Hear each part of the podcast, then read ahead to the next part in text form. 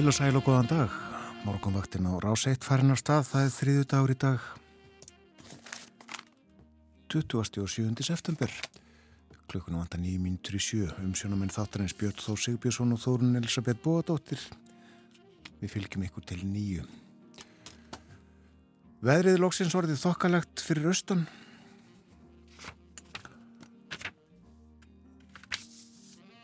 Þryggjastega hitt, uh, þrý, þrýr metrar á sekundu þrýr metrar á sekundu á eigilstöðum núna fyrir 50 mínutum tveir metrar í Neskvöpstað 5 metrar á Seðisfyrði aðeins kvassara í Fársfjörði 10 metrar á sekundu þar. Loksins segjum við. En við förum ringin byrjum í Reykjavík þar var lokn nánast klukkan 6, fjúrastega hitti, skíjað, hitti við frostmarka kvanneri, norðaustan 2 metrar, skíjaði stikkisólmi, þryggjastega hitti og 3 metrar á sekundu, fjóra gráður á Patræsfyrði, 2 metrar, þrjár gráður í Bólungavík, 2 metrar, hitti við frostmark á Hólmavík, 4 metrar á sekundu þar norðvestan, einstigsíti á Blönduósi, þrjárgráður við Söðunisvita og Logg, einstigsíti á Akureyri, skíjað, Logg, fjórastega hitti á Húsavík, tværgráður á Rauvarhöfn, tvær á Skeltingstöðum, einstigsfrost á Grímstöðum, fjórastega hitti á Eilstöðum, skíjað og þrýr metrar á sekundu eins og áður sæði.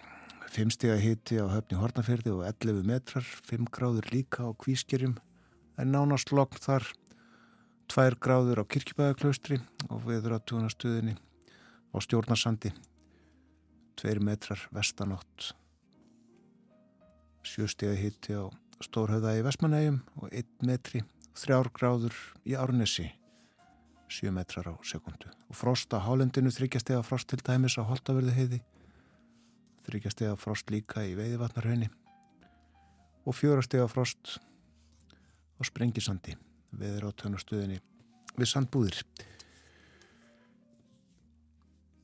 Svona viðræði klukkan 6 Og þá var veðrunu eins og það verður eftir einmitt uh, að nú hefur vindur gengi neður þá mú gera ráð fyrir því að það verði hæglætisveður á landinu öllu í dag og á morgun Í dag norðlag eða breytileg átt 3 til 10 metrar á sekundu en eh, norðvestan strekkingur austast fram eftir mótnistendur í viðsponni. Bjart með köplum en skíjað norðaustan til og sumstaðar lítilsáttarregning. Hittin í dag 2 til 10 stig, mildast sunnan heiða. Og morgun hægur vindur, hæg suðurlag eða breytileg átt, dálítil væta og víð og dreif en lengst af þurft á norðurlandi og hitin á morgun fjögur til tíu stygg. Það verður svo hæglætis veður fram eftir degi á femtudag en svo hægt vaksandi söðaustan og austanátt eftir hádegi og verður uh, alltaf átjón metrum á sekundum kvöldið á söðausturlandi. Það lægir svo aftur á förstudag og uh, sínist okkur myllt veður um næstu helgi eins og spáin er núna. Og hitin breytist lítið, hann er þetta svona upp undir 12-13 stygg. Það eru hálkublettir víða á fjallugum á Östurlandi, hálka á biskupshálsi og vegagerðin vegur aðtekli á því að allir vegir hafi verið opnaðir sama voru lokaðir út af veðrinu rókinu. Það er ímislegt að dagskrá morgumvaktarinnar í dag. Við ætlum að fjalla um Norðurlöndin, Norrænt samstarf. Tilefnið 100 ár frá því að Norrnafélagi var stopnað. Við höfum við líka um það sem er eftir að bauði í Þýskalandi þessa dagana. Artur Björgvin verður með okkur og Þórðusnar Júliusson verður hér líka, verður hjá okkur upp úr halv átta og við ætlum að spjallum efnaðasmál og peninga. Half of what I say is meaningless But I say it just to reach you, Julia.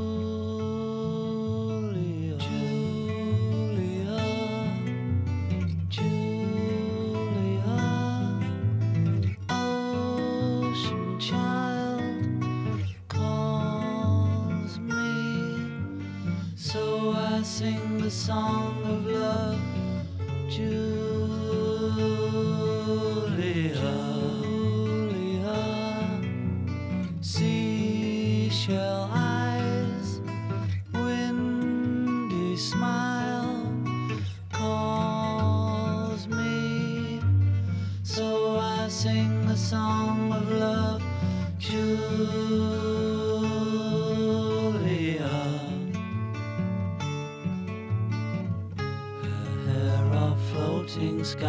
Shimmering,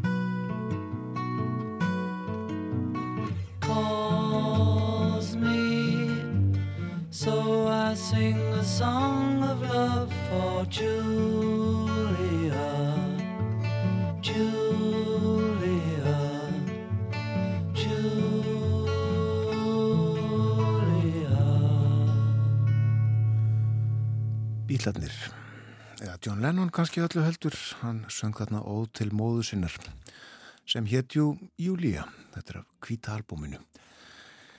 Fréttinnar eru framöndan komið eftir mínútu og uh, eftir þær þá tökum við flugið eins og við segjum stundum.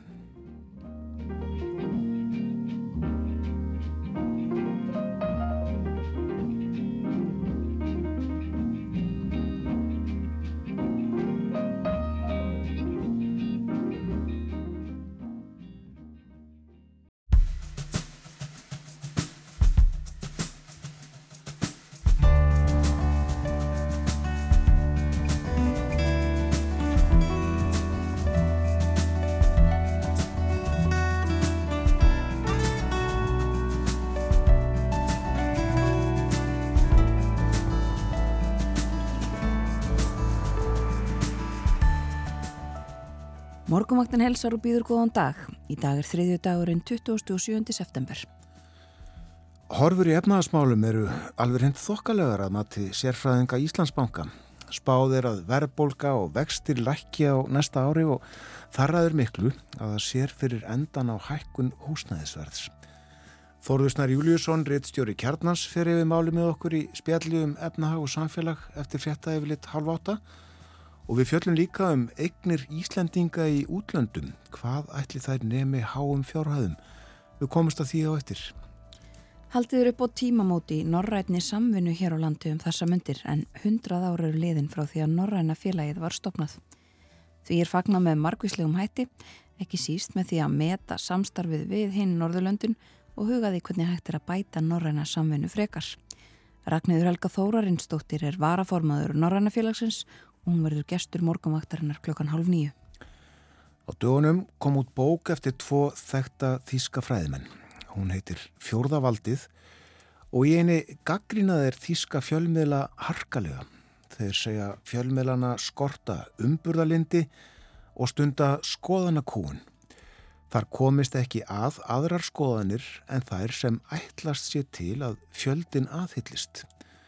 Artur Björgum Bóllarsson segir okkur frá þessari nýjútkomni bók, frá höfundumennar og frá umræðinni sem að skapast hefur í Þýskalandi. Berlinar spjall, það sem er efsta bögi í Þýskalandi eftir morgun fréttir klukkan 8. Umsjónamenn morgumvaktarinnar eru Björn Þór Sigbjörnsson og Þórun Elisabeth Bóðdóttir.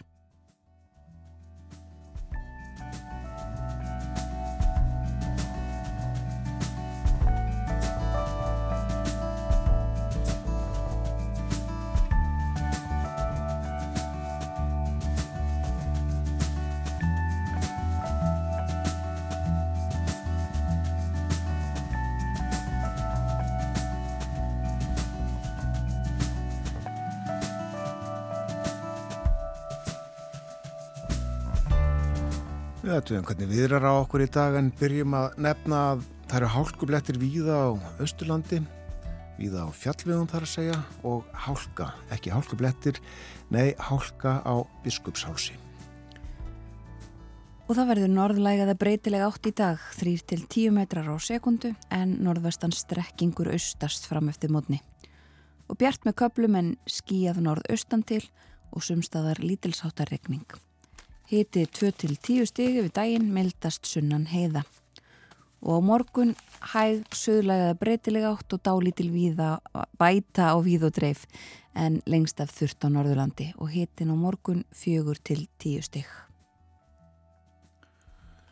Við lítum í blöðin, byrjum á íslensku dagblöðunum áður en við förum út í heim á fórsíðu morgunblöðsins er byrjað að fjalla um veðrið vondaveðrið áhrif þess tilkynnt tjón nema 20 miljóna. Rætt við Jóhann Þórsson, hann er starfsmæður sjóor drengafélagsins og uh, hann segir það hafa fundið fyrir óveðri helgarinnar og að strax í ljósta tjóninni með 20 miljóna. Við fundum alveg fyrir veðrinu tilkynningar um tjón fóru að berast á laugadeginum og staðsetningar tilkynningana fyldu veðrinu um landið. Þetta byrjaði hérna í borginni og fór svo austur eftir landinu. Farið yfir þetta og uh, vakin aðtikli í fyrirsögn er inni í blæðinu sko mikil mildi að ekki varð manntjón. En uh, gríðarlegt tjón á eigum á norður og austurlandi og yfir 200 útköll sem að Björgunarsveitur og lögregla líklega og fleiri fóru í. Nú, uh, Ísland fymta besta landið sangkvæmt uh, úttækt á stöðu ríkja, högum fólks. Ísland fellur reyndar um eitt, eitt sæti en uh, ástandmála í 169 ríkjum er skoðað. Social Progress heitir þetta, imperativ, þetta er einhver vísitala framfara, félagslegra framfara. Og uh, normenn eru bestir, getur við sagt. Ísland þykir leiðandi á ymsum sviðum þegar vísitala félagslegra framfara er reknuð út og þar á meðal eru þættir er lútað aðgengi að vatni, mat og hreinleiti, hér eru lífslíkur ungbarna mestar og gott aðgengi að mentun. Þá þykir hér á landi vera ábyrjandi lítið um óðbeldi gegn minnihlutahópum, hátt, hlutfall, farsíma áskrifta og aðgengi að upplýsingum og samskiptum. Og eins búa Íslandingar við einna minnstu loftmengun allra og sem fyrr skurum við fram úr í nýtingur heitna orkugjafa. Svo er sagt frá því að Íslensk livjathróuna fyrirtæki sem að heitir Arctic Theraptics eða eitthvað í það áttin allavega. Það hefur flýtt þróun livs við heila hrörnun um átján mánuði með nýjum leifir samningi við bandarist liða fyrirtæki og þetta fyrirtæki vinnur að rannsókn á Íslandingum með arfgenga heilablaðingu og síðast voru 20 einstaklingar rannsakaðir en uh, nú standa vonin til þess að 40 manns fái lifið á í næstu rannsókn. Og það er fjallega um þetta í blæðinu í dag. Nú uh, Á fórsíðu fréttablasins má sjá mynd sem að tekja var norður á Akureyri líklega gær þar sem að uh, vatni var dælt úr Vitanum sem er hús á átturinni á Akureyri.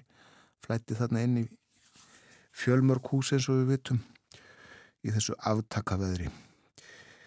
En uh, svo er hér frétt, uh, það er sagt frá því að Lilja Alfredsdóttir ráð þeirra Hún mun hafa sagt á sapnaþingi á Östfjörðum í síðustu viku að hún harmar að hafa skipað hörpu Þórsdóttur sem þjóðminni vörð án auglisingar.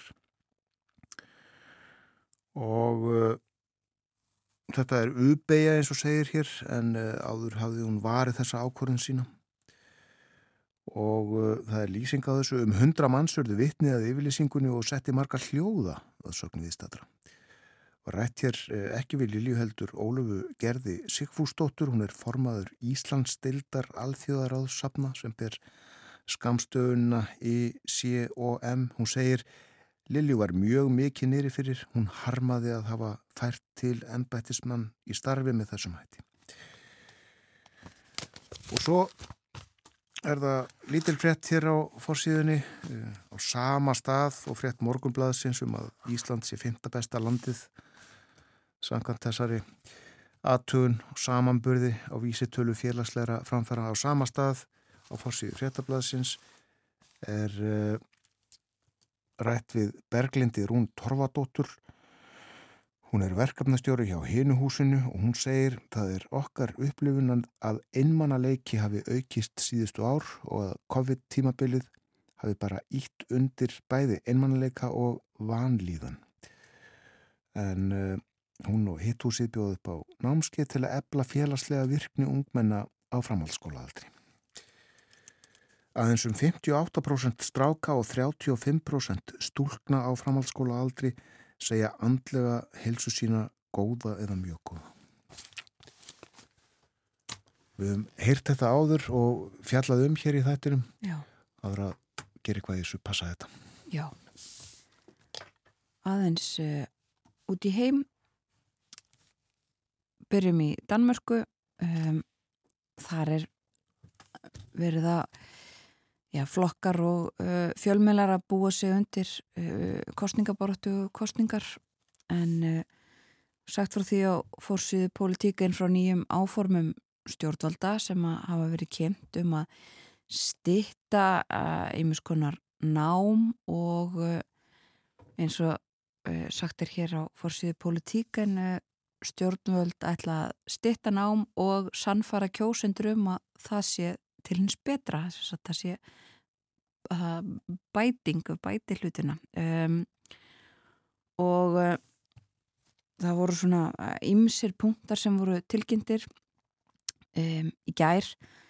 Þessi nýju áform stjórnvalda um að meðal annars uh, draga úr skrifræði og færa fjármunni á milli og reyna að beina þeim í svona grundvallar uh, velferðarmál. Og uh, ásveits þetta, já, minka skrifræði með alls konar alls konar aðgerðum. Og politíkan sem sagt ekki verðist ekki neitt um, mjög hrifið af allavega þessum þessum uh, tillögum í mentamálum þá er þetta stitta meistaranám ekki uh, meðal annars. Fórsíðan á informasjón í Danmarku það er líka uh, stjórnmálinn þar í fórgrunni fyrirsögnin um, aðgerðin stöðum Stauberg er hafinn um, stjórnvöld séu að ráðast í þessar aðgerðir allar eh, til þess að stöðva eh, Inger Stauberg og hennar flokk. Það er þetta nýji eh, nýr flokkur sem hafa verið stopnaður og, og eh, svona veldur usla í danskri pólitík held ég ekki sé hægt að segja.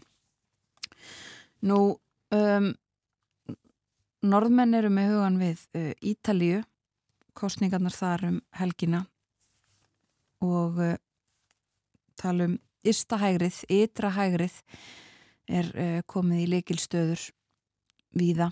Uh, ytra hægrið er orðið uh, nýja normið held ég að væri hægt að þýða þessa fyrirsögn á aftanpósten um fyllun um þessi þessar kostningar í, í, á Ítalíu og stöðu mála annar staðar í Evrópu líka. Og því tengt þá hafa stjórnvöld meðal annars í Ungverjalandi eh, fagnað og óskað Giorgio Meloni til hamingju með kostningasigurinn eh, síðustu daga. Og þá líka við um rúsa og eh, í Svíþjóð eru eh, fyrirsagnir af eh, stöðumála í Rúslandi og þeirri spurningu veldu upp um, hvort að taka eigi við um, rúsneskum kallmönnum sem að flýji nú herrkvæðningu eða hvort að eigi að uh, gera, sest, taka ekki á móti uh, mönnum í þeirri vona að það hjálpi til við að fella uh, ríkistjórn Vladimir Putin þetta er þetta svona siðferðis spurning stór og uh, það er verið að tala um, um stöðuna í Rúslandi víða. Uh, talsmaður stjórnvalda þar segir að það sé ekki búið að taka neina ákvörðunum að loka landamærunum fyrir karlmönnum sem að reyna að komast uh, burt frá landinu. En það hafa verið sæði fréttir af því síðustu dag að, að fjöldi hafi reynd að komast burt eða farið burt uh, í gegnum hinn ímsu landamæri til nákvæmna ríkja og auðvitað líka mótmæli uh, sem hefur verið sagt frá mótmæli uh, gegn þessari herrkvæðningu og rúsnesk stjórnvöld hafa viðkend að þau hafi gert mistök um, við herrkvæðninguna það hafi menn verið uh, kvattir í herin sem að hefðu ekki átt að uh, vera það. Meðal annars menn uh, kallar með, með föllun, kallar sem eru orðnir of gamlir í rauninni til þess að uh, sinna herþjónustu og fleira. En uh, það er líka í dag, síðasti dagurinn í þessum íbúakostningum þjóðar atkvaða greiðslum á fjórum stöðum í Úkrænu þar sem að kosið er um að um, verða hlut af Rúslandi þessar atkvæðagreislur sem hafa verið fordæmdar við það og uh, til Bretlands aðeins að lokum uh, þar eru flest blöðin með uh, frettir um erfiða stöðu efnahagsmála. Pundið hríðu fjell í gær og hefur örlítið rétt úr kútnum síðan en talað um krísu í gjaldmeðlamálum og beðið eftir viðbröðum frá, frá Sælabankanum og fjármálar á þeirra og fleiri ráþeirar í ríkistjórn Liströss ætla að funda í dag með yfirmönnum banka vegna þess að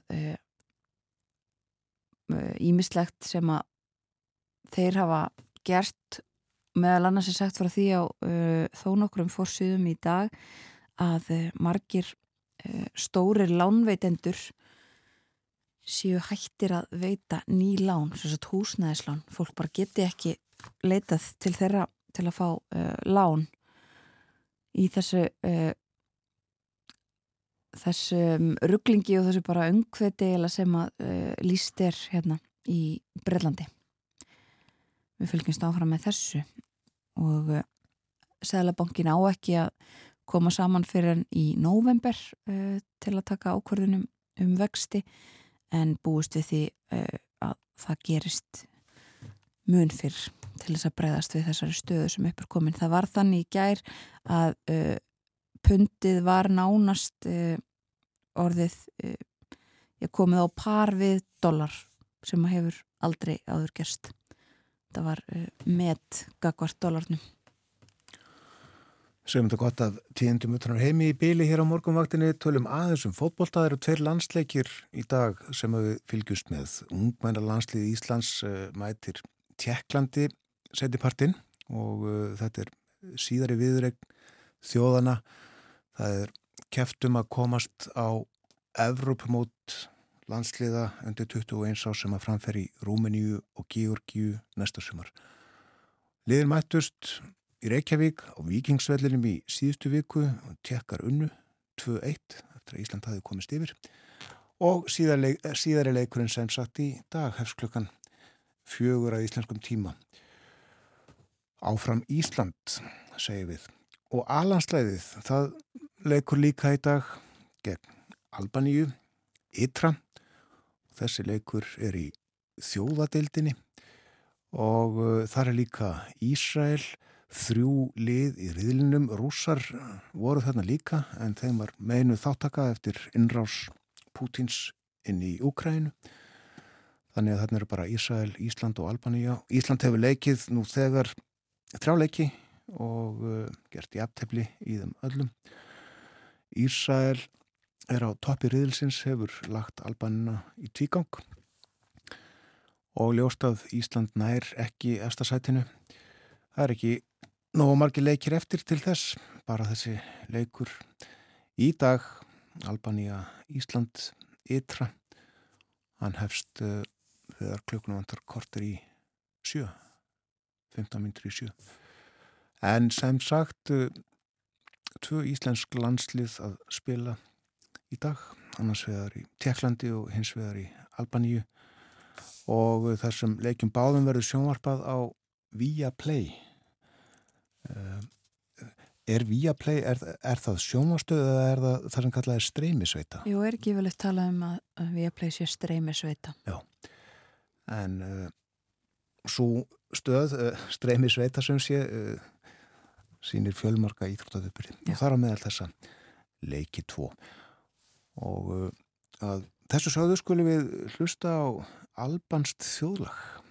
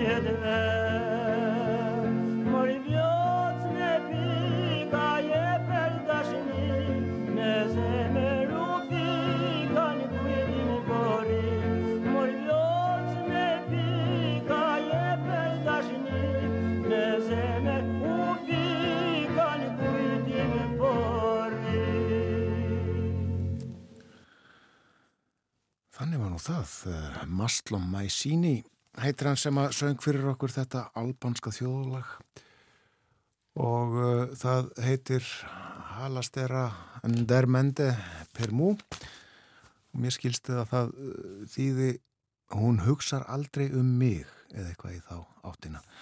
Og það eru þetta ljóðmalanda mikil vonbriði en það elskar hann hana. Kunnulegt stef. Já, þetta hefur náttúrulega Rétt aðeins uh, að pólitíkinni það þingfundur í dag hefst klukkan hálf tvö og uh, það verður óundibúin fyrirspurnatími. Það er nú ekki venjan á þriðudögum en uh, það var ekki þingfundur í gæðir á mónudegi og til svara verða fórsætisráð þeirra, matvælar á þeirra, utaríkisráð þeirra, félags- og vinnumarkarsráð þeirra, dómsmólar á þeirra og menningar og viðskiptar á þeirra. Og uh, þegar óundabúinu fyrirspurnum tíma er lokið þá verður uh, tekið fyrir fömvarp innviðar á þeirra um leigubifriðakstur. Þetta er endurskoðun á regluverki um leigubíla og uh, hefur verið lagt fram þrísvarsinnum áður á þess að hafi náða fram að ganga og svo er sérstök umræða um verðbólgu, vexti og stöðu heimilana. Ástildur Lóa Þórsdóttir, Málsæfjandi og Bjarni Benediktsson fjármála öfnarsráðra til ansvara og nokkur önnur mál svo e, til umfyllunar þar á eftir. En e, verðbólka og vextir er mitt á daskra hjá okkur og eftir. Þórðusnar Júliusson, reitt stjóri Kjarnans, er að koma sér fyrir hjá okkur. Við ætlum að tala um nýja þjóðaspá Íslandsbanka. Horfurnar eru bara alveg hend ágættar, segir bankin. Tölum um þetta við uh, ætlum líka að uh, tala um eignir Íslandinga í útlöndum. Íslandinga eiga vist uh, peninga og alls konar eignir víða um heim og þóruðu segir okkur frá eftir.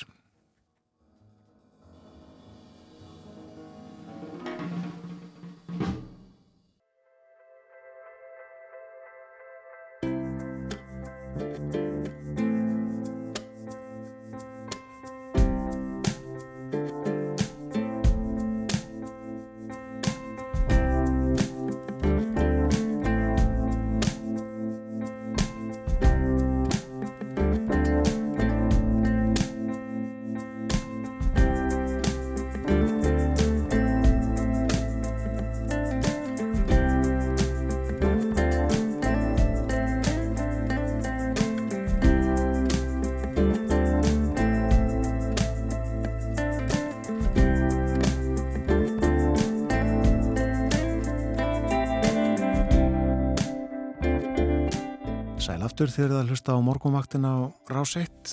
Það er þriðu dagur í dag, klukkan réttliðilega hálf átta. Já, það er komin 27. september. Umsjónamenn þáttarins þennan morgunin Þórun Elisabeth Bóadóttir og Björn Þó Sigbjörnsson. Vindur hefur gengið niður á austurluta landsins, segir viðfræðingur í hugleðingum og í dag sem á morgun verður hæglættis viður á landinu. Norrlæð eða breytileg átt í dag 3-10 metrar á sekundu bjart með köplum skíjað norðaustan til. Þar gæti ringt eitthvað smottir í. Og hitti í dag 2-10 stig það verður mildast sunnan heiða og í morgundaginn segir viðfræðingur hægur vindur dáli til væta á víðótreif en lengst að þurft á Norðurlandi. Hitti fjögur til tíu stygg. Ég minni á að Artur Björgvin Bodlason verði með okkur eftir fréttinnar klukkan átta eftir rétt rúman hálftíma hann ætlar að segja okkur frá því sem er eftir að bau í Þýskarlandi og meðal annars nýri bók sem að hefur vakið mikla aðtegli e, og e, gaggríni held ég að við getum sagt, hún heitir Fjórðavaldið og e, höfundar lýsa þar óanæðu sinni með fjölmiðla í Þýskalandi og segja þá útiloka skoðanir en hampa skoðunum sem að ætlast er til að fjöldin aðhyllist meira en þetta á eftir. Og uh, norrand samstarf til umfjöldunar hér á morgunvaktinni svo melli hálf nýju og nýju uh, tilefnið. Norrannafélagið er 100 ára. Já, og því er fagnað með ymsum hætti þessu dagana. Ragnhjóður Helga Þóranistóttir varaformaður félagsins kemur til okkar upp úr klokkan hálf nýju en uh, nú er það efnagsmólin Þóruðsnar Júliusson, reittstjóri Kjarnas, velkomin Takk. Við ætlum að uh, skoða nýja þjóðhagsbá Íslasbanka sem byrt var í gerðmorgun og uh, kemur ímislegt fram í henni. Uh, það er talað þarna um um horfurnar varandi verbolgu og vexti, hagvjókstöðu við þekkjum þessi hugtök sem við förum yfir á eftir. En við bóðum það hér fyrir morgun að við ætlum að tala líka um eignir Íslandinga í útlöndum sem eru talsverðar við ætlum líka þess að tala um uh, þennan söluhagnað sem var til í símanum þegar Míla var seld til Fraklands uh, eru það ekki einhverjir 30 miljardar, eitthvað svolítið? E, jú, það verður ekki eitthvað svo leis. En hvað ætlum við að byrja? E, mér langar að byrja á e, svona göldum sem eru lögð á fiskeldi. Já. Ef að það er í lagi allra vegna.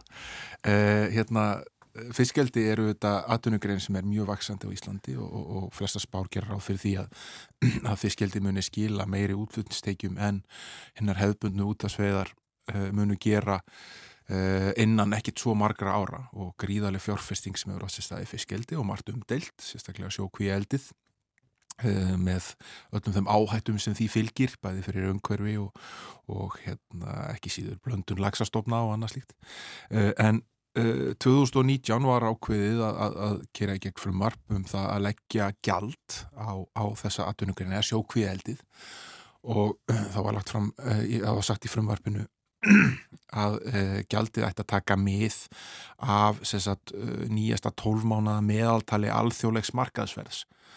Svo fór það frumvarp í gegnum þingið og þegar það var á endanum samþygt þá hafði það í meðförum nefndar án þess að fyrirlægi eitthvað sérstök bónum það í gegnum umsættafelli eh, þrengt þetta viðmunatímabil niður í það að það gildi einungist frá ágúst til oktober sem fyrir argjúra tilurinn eru mánuðinir þar sem alþjóðulegt meðalverðið er lægst.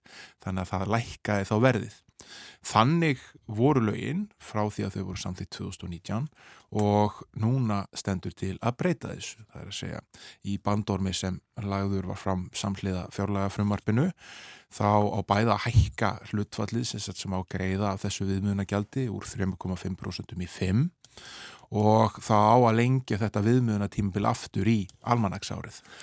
Og þetta skilar því núna í fyrsta kasti uh, það er þess að fiskjaldsfyrirtökum er gefin ákveðin aðlöðunatími við greiði ekki fullt gjald fyrir held í 2025 eða 6 þannig að hérna, en þetta skila samt sem áður. Núna þáttur að segja greiða bara hlut af gjaldinu uh, næstum halvu miljardi viðbúta tekjur á næsta ári. Og, og, og þær munir síðan aukast ennfremur árónum eftir það vegna þessara tvekja breytinga. Og uh, þetta er í heldina dag og fjárhæð? Þetta er 1,5 miljardur eins og er uh, gjaldið eins og það er áallat á næsta ári uh, við skulum bara muna það að, að þegar uh, þegar sko þetta var samþygt fyrst þá voru ætlaðar tekjur að þessu um 134 miljónir það segir bæðið það hvað, þessi, hvað þetta hefur vaksið en til þess að setja þá tölu 134 miljónir í eitthvað samhengi þá var áallað á árunnu 2020, fyrsta ári sem þessi gjaldtaka var virk að tilstæði að hérna að leggja 175 miljónir úr ríkisjóði að bæta stjórnsíslu eftirlit og helbriðiskröfur í fyrskjaldi. Þannig að gjaldi dögað ekki fyrir þeim útgjöldum sem ríkisjóður hafði vegna eftirlits og umsíslu vegna fyrskjaldis. Þannig að þetta er uh, vaksandi gjaldstofn og hann munu þetta vaksa meira eins og ég sagði á hann þegar fyrirtækin fengu aðluna tíma og munu ekki greiða fullt gjald fyrir 2026 og næsta ári greiða uh, fjóra sjöndu af því gjaldi sem, sem áallad er. Já. og uh, í framtíðinni tekju ekki ríkisjósir áallad 2024 650 miljónir með að við, að við ekki verið að fara í þessar breytingar og 760 árið 2025 þannig að þegar þetta verður allt uh, fara að borga fullt gjald hérna 2026 þá mun það þýða að fisk, uh, eldisgjaldi verði um 800 miljónu krónu herra en ella ef að gjald uh, hlutfallið það hefur ekki verið hækkað og við munar tímabilinu ekki breytt. Er ekki uh, norsk fyrirtæki, stórtæki uh, sjókviðati hér? Í stuttumáli, jú, en íslensk fyrirtæki hafa verið að kaupa sig aftur inn í þann bransa uh, meðal hans Síldavinslan sem kifti sig inn í uh, einn af þessum norsku fyrirtækjum sem eru stórtækir. Færum okkur um set, uh, við ætlum líka að tala um eignir Íslendinga Erlendis. Þær eru umtalsverðar. Þær eru það og kannski að, að hafa þann fyrir að við að eignir innlendra aðila í útlöndum, uh, innlendir aðilar uh, aðilar eru alltaf skemmtilegt orð uh, eru auðvitað alls konar, þeir geta verið einstaklingar þeir geta verið fyrirtæki, þeir geta líka bara verið eignaratsfélög utanum sko eignir erlendra stórfyrirtæki á Íslandi eins og til dæmis stórið.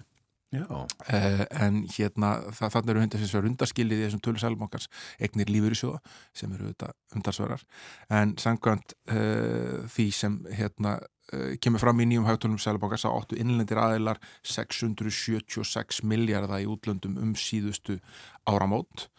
Um 56% af þessari fjármunna er í Hollandi.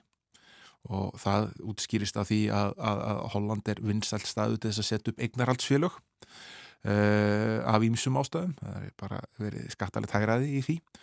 Uh, og uh, eigið fyrir Íslandinga Erlendis jógst umtalsvert á síðasta ári, það er að segja eigið fyrir íslenskra aðila eða um 37,5 miljardar á milli ára. Það er svona, auðvitað, kannski í takti við þá þróun sem við höfum rætt hér áður eh, sem átt sér stað hérna á Íslandi í fyrra að, að, að svona tekjur af fjármunum, auðvitað, stóru jökust hérna í fyrra, sáum hérna Það er aukast um, um, um, um 108, vera 181 miljardar fyrir og aukast um tæmlega 70 miljardar á milli ára. Þannig að það er ekkit óalgengt að, að hérna, ef maður gengur svona út frá því að, að, að þetta séu e, svona fjárfestar og, og fjármunatekjur sem þarna er verið að ræða um að það endur speiklist í, í, í svona aukningu á IFI erlendis. Já, þetta eru háa fjárhæðir. 676 miljardar íslenskar krónar. Þetta eru það, en þetta eru líka aðrir aðra breytur sem skipta máli um það hvernig uh, þessar eignir þróast. Við auðvitað búum við sjálfstæðan miðil, gjaldmiðil uh, og sveiblur í gengi krónu getur haft gríðarlega áhrif á það hvernig uh, hvernig neðsta línan í bókaldinu lítur út þegar þú ert að færa sko eignir sem eru kannski uppistuðu verða til innan lands á Íslandi í öðrum gjaldmilum þannig að hérna, styrking krónu eða veiking getur haft umtalsverð áhrif á þetta mm.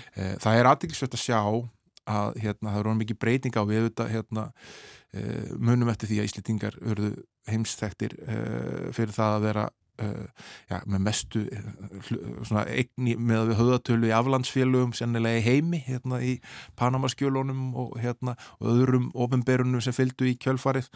Og það er ímislegt svona aðtilsvert sem hættir að sjá í þessum tölum sem bendir til þess að já, minnst að kostu uppgifið eh, er ekki svo eh, jafn mikið lengur eh, til dæmis á Bresku Jónfrúaregjunum það sem Íslitingar voru, það sem Tortóla henn fræga Tortóla er auðvitað hluti af þeim klasa þá voru Íslendingar skráðin með 10 miljardar þar fyrir ekki svo mörgum árum í þessum tölu sælabankast en svo tala hefur verið núl núna undarfarin ár eða mjög lág. Þannig að hérna það virðist allan að vera að ykkur tikið þetta til sín og fært peningana sína á, á, á, á staðið þar sem svona hérna meiri hlýja er í garð eðlesegnarvald. Já.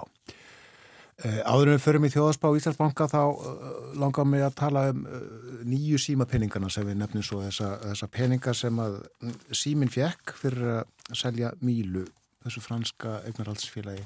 Þetta voru einhverju 30 miljardir eða svo, hvað gera menn, hvað er líklegt að menn gera við 30 miljardar, nýfengna? Já, það eru þetta mjög líklegt að uh, stórum hluta af þessari fjárhæð það er að segja um, þeirri fjárhæð sem eftir stendur þetta er hluta þessari við tökum skulda en að, stór hluti af þessari fjárhæð hann veri greittur út til hluthafa. Uh, símin uh, hefur allan ekki látið í skínan einn sérstök áform um það að fara Uh, fjárfesta af þessari stærðagráðu kannski í ótingdum geirum eða fara í útrás eða annars lít, maður sér ekki alveg hvar fjárfestingatækifærin fyrir svona stórar upphæðir ætti að liggja.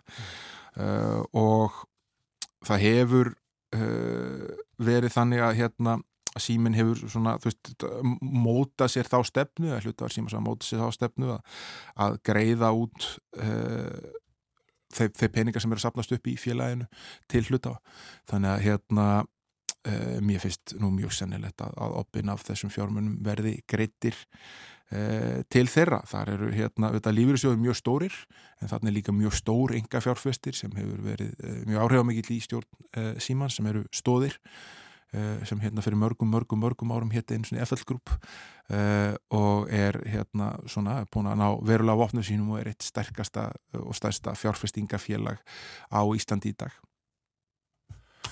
Þeir þurfa að finna, finna eitthvað að verja þessum peningum í þá?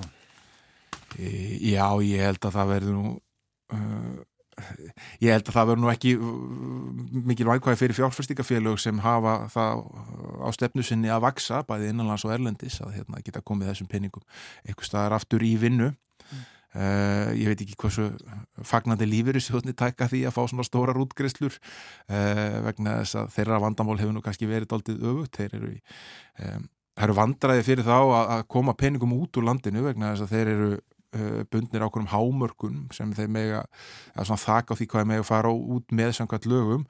Og uh, það er gert til þess að, að, að útflæðið hafi ekki uh, stórkurslegt áhrif á gengi krónunar, þetta eru svo lífyrsjóðnir eru svo stórir. Og hann er kannski ekki allt morandi í fjárfestíkakostum fyrir lífyrsjóðu hérna innanlands, eru nú búin að kaupa svona flest allt sem hérna, þeim stendur til bóða mm. þannig að hérna Uh, án þess alltaf að tala fyrir mun þeirra allra eða tala um þá alla sem eina held þá uh, held ég að, að svona allan ykkur er að myndu nú sjá hérna kannski að, að það veri eftirsókn að láta þessa peninga vera áframbundna í egni í góð og snöndu félag eins og símin er. En hérna svona er bara þessi leikur Já. þeir finna sér önnutæki fyrir Þeir finna út úr þessu. Við ætlum uh, hér að síðustu að tala um nýja þjóðarspá Íslandsbanka. Um, og hún kom út bara á dögunum er það ekki? Og þar er, já, svona sagt að útlitið sé bara þokkalegt. Þokkalegt og ekki þokkalegt. Það er þetta horfa það frá hýmsum hliðum. Uh, hún kom út í gerðmorgun Uh, í henni kemur fram að, að hæguvöxtur verður alveg gríðarlega kröftugur, uh, 7,3% þess að setja það eitthvað samhengi þá er það mest í hæguvöxtur sem ef þetta gengur eftir sem hefur verið í Íslandi í 15 ár. Og telliði nú aftur á bakk þannig að við erum að miða við árið 2007 uh, hápunkt bankagóðarisins uh, þá var hæguvöxtur 8,5% uh, þannig að hérna, uh, þetta er auðvitað engin enga smátölur en við skulum líka hafa í huga að, að það var samdráttur hérna árið 2020 og hóflugur hafustur í fyrra þannig að við erum að koma upp úr dákveðinu hólu. Uh, og samdrátturinn 2020 var 6,8% og hafusturinn í fyrra 4,4% uh, þetta er rosalega breyting frá þeirri spá sem bankin setti fram í januar þá spáði Íslandsbanki því að hafustur í árið 4,7% Uh, það mörna nú aðsi miklu þarna á milli, auðvitað er það sem hefur gerst í millitíðinni tvent sem er mjög afdreifaríkt, það er að segja búið að afleta öllum uh, svona höft, hömlum sem fylgdu koronaviru faraldrinum og svo þetta brast, brast, uh, einrásrúsa í, í Ukrænu sem hefur breytt aðstæðum í heiminum og sérstaklega alveg svakalega mikið.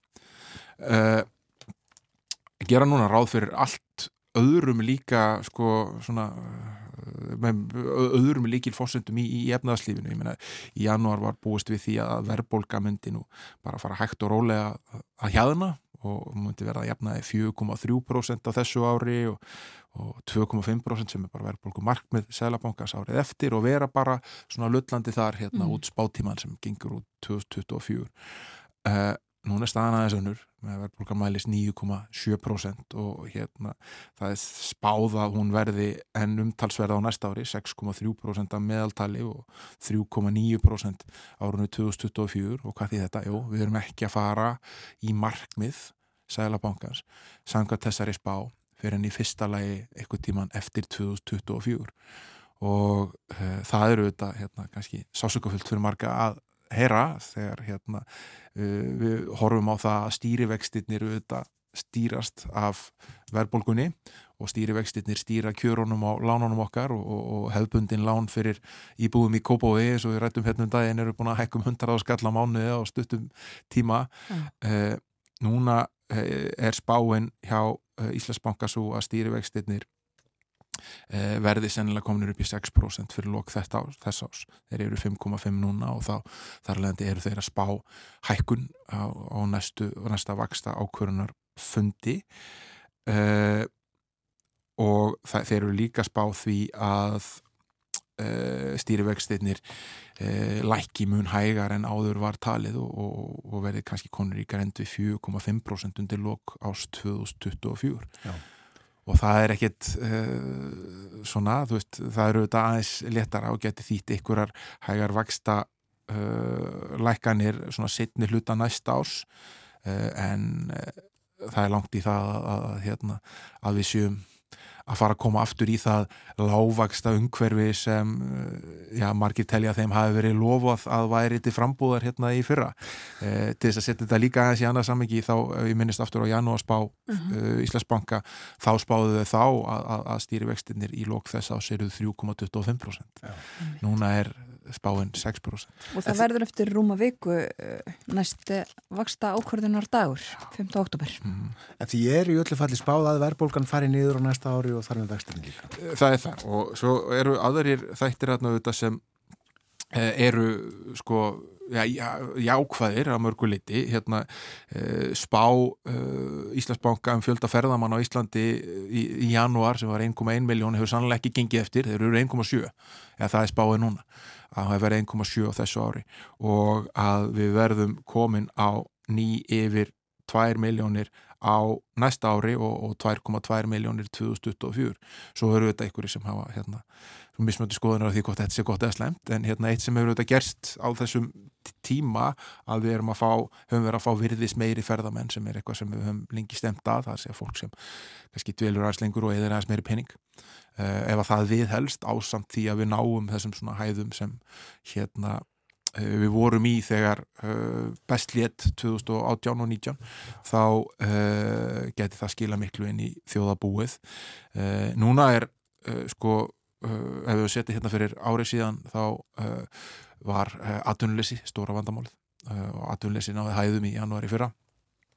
Núna er vandamálið skortur á störfum. Og, og hérna Uh, nei, skortur á starffólki og uh, það er svona aðtilsvert að sjá að uh, þegar í janúar var hérna stjórnendur 400 stærstu fyrirtækjana spurður hvort það var skortur á starffólki þá svo 40% að það veri, núna sé að 54% að það sé skortur á starffólki og það eru svona, þú veist, þá í ákvæði teikn en, en neikvæði teikninu út á verðbólkun er það að kaupmáttu launa er farin að draga saman. Hann hefur dreyið saman núna hérna og talið að hann muni draga saman alls um 4,2% á uh, þessu ári. Uh, en hann er farin að, búin að draga saman um 4,2% þessu ári samkvæmt tölum hagstofunar og bankin spáði því að þessi þróun haldi áfram með þar þánga til að verðbólkan fari að hjæðuna almennilega. Það er auðvitað óvísaði margt í, í þessum efnum og, og, og kannski ómögulegt að spá fyrir um suma þetta sko einn rísastór uh, óvissu þáttur eru kjærasamlingarnir sem að enn eru ógerðir auðvitað. Já, já, uh, og þess vegna er þetta svona, hérna, er þess að spáru þetta uh, svo miklu samkvæmisleikir og þetta verður að reyna eftir bestu getu að, að, hérna, að sína fram á uh, að við fáum eitthvað svona einsinn í það hvað er framöndan en eins og við sjáum þá eru alltaf einhverju hlutir að gerast sem breyta öllu og, og, og við tölum um það áðan hérna að, að, að þegar takmorkunum var aflétt og, og stríð skall á í Ukrænu, þá breyti það öllu. Og harðvítuðir kjærasamningar með hörðum kjæra deilum Uh, jafnvel veist, verkföllum og öðrum slíkum aðgerum munu þetta líka breyta öllu. Mm. uh, það gæti uh, margt breyst sko varðandi það hvað svo mikið ríkis eða stjórnvöld þurfa að koma að borðinu til þess að höggva á hnúta. Við höfum eftir að sjá hversu hart verkefælisfórustan mun fara á eftir þeim kröfum sem hef, þegar hafa verið settar fram sem eru umtalsverðar Uh, og við höfum eftir að sjá hversu hart uh, eh, selabankin og í sér aðri standa við ja, allana stór orð og sem sumi kalla hótanir um það að ef að það veru farið of, of skart í, í launahækkanir og annað slíkt að þá munir það einfallega endur speiklast í uh, vaksta hækkunum þannig að hérna, það er bara mjög margt framöndan sem hérna geti breytt mörgu mjög hrætt. Og fyrstu tölmum þetta segir í morgunblæðinu í dag að eh, stjættafélög yðnaðamanna hafa kynnt kröfur sínar og uh, kræðast þess meðal annars að vinnuvig kann verði 32 klukkstundir uh, og hvað því það? Jú, fjóra daga vinnuvika og hvað fer með svipaða kröfur líka. Mm -hmm. Akkurat, en Við segjum þetta gott af spjalliðum efna og samfélag í dag. Þóruðsnar Júliusson Ritjur Kjarnars þakkaði fyrir að vera með okkur á þriðutarsmórni. Eftir fréttinnar sem að koma eftir stuttarstund verður Artúr Björgvin Bóllarsson með okkur. Hvað er efstabögi í Þýskalandi þessa dagana? Hann segir okkur frá því. Og jú, við vitum eitt um þessa nýju bók um fjölmilana, fjórðavaldið í Þýskalandi höfundar. Tveir uh, afar gaggreinir á fjölmennamenn uh, förum ítalega yfir þetta og fleira í spjalli á eftir. Og uh, svo milli hálf nýju og nýju Norræn samvinna Norðurlöndin. En Norræna félagið hefur verið til í einn hundrað ár og af því tilefni öllu að fjalla um Norræna samvinnu. Ragnhildur Helga Þórarinsdóttir varaformaður Norræna félagsins verður hjá okkur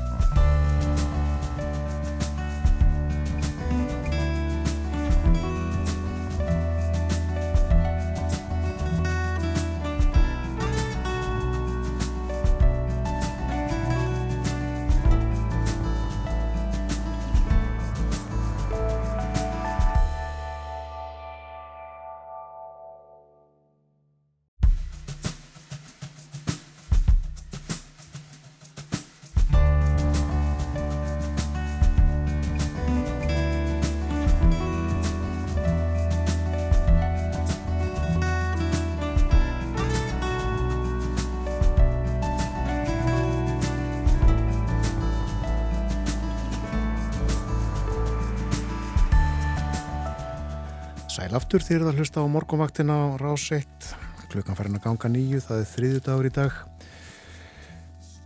Og útlitt fyrir skaplegt veður. Já, hægur vindur svona þokkalega 3-10 metrar á sekundu í dag. Norðlega eða breytilega átt.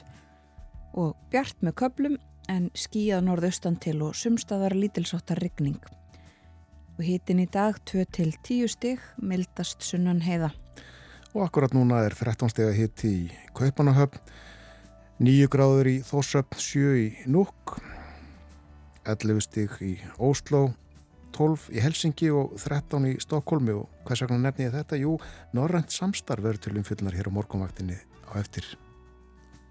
Já, þá kemur til okkar Ragnhildur Helga Þóranunsdóttir, hún er varaformaður Norræna félagsins á Íslandi en á femtudaginn þá verða 100 ár frá því að félagið var stopnað.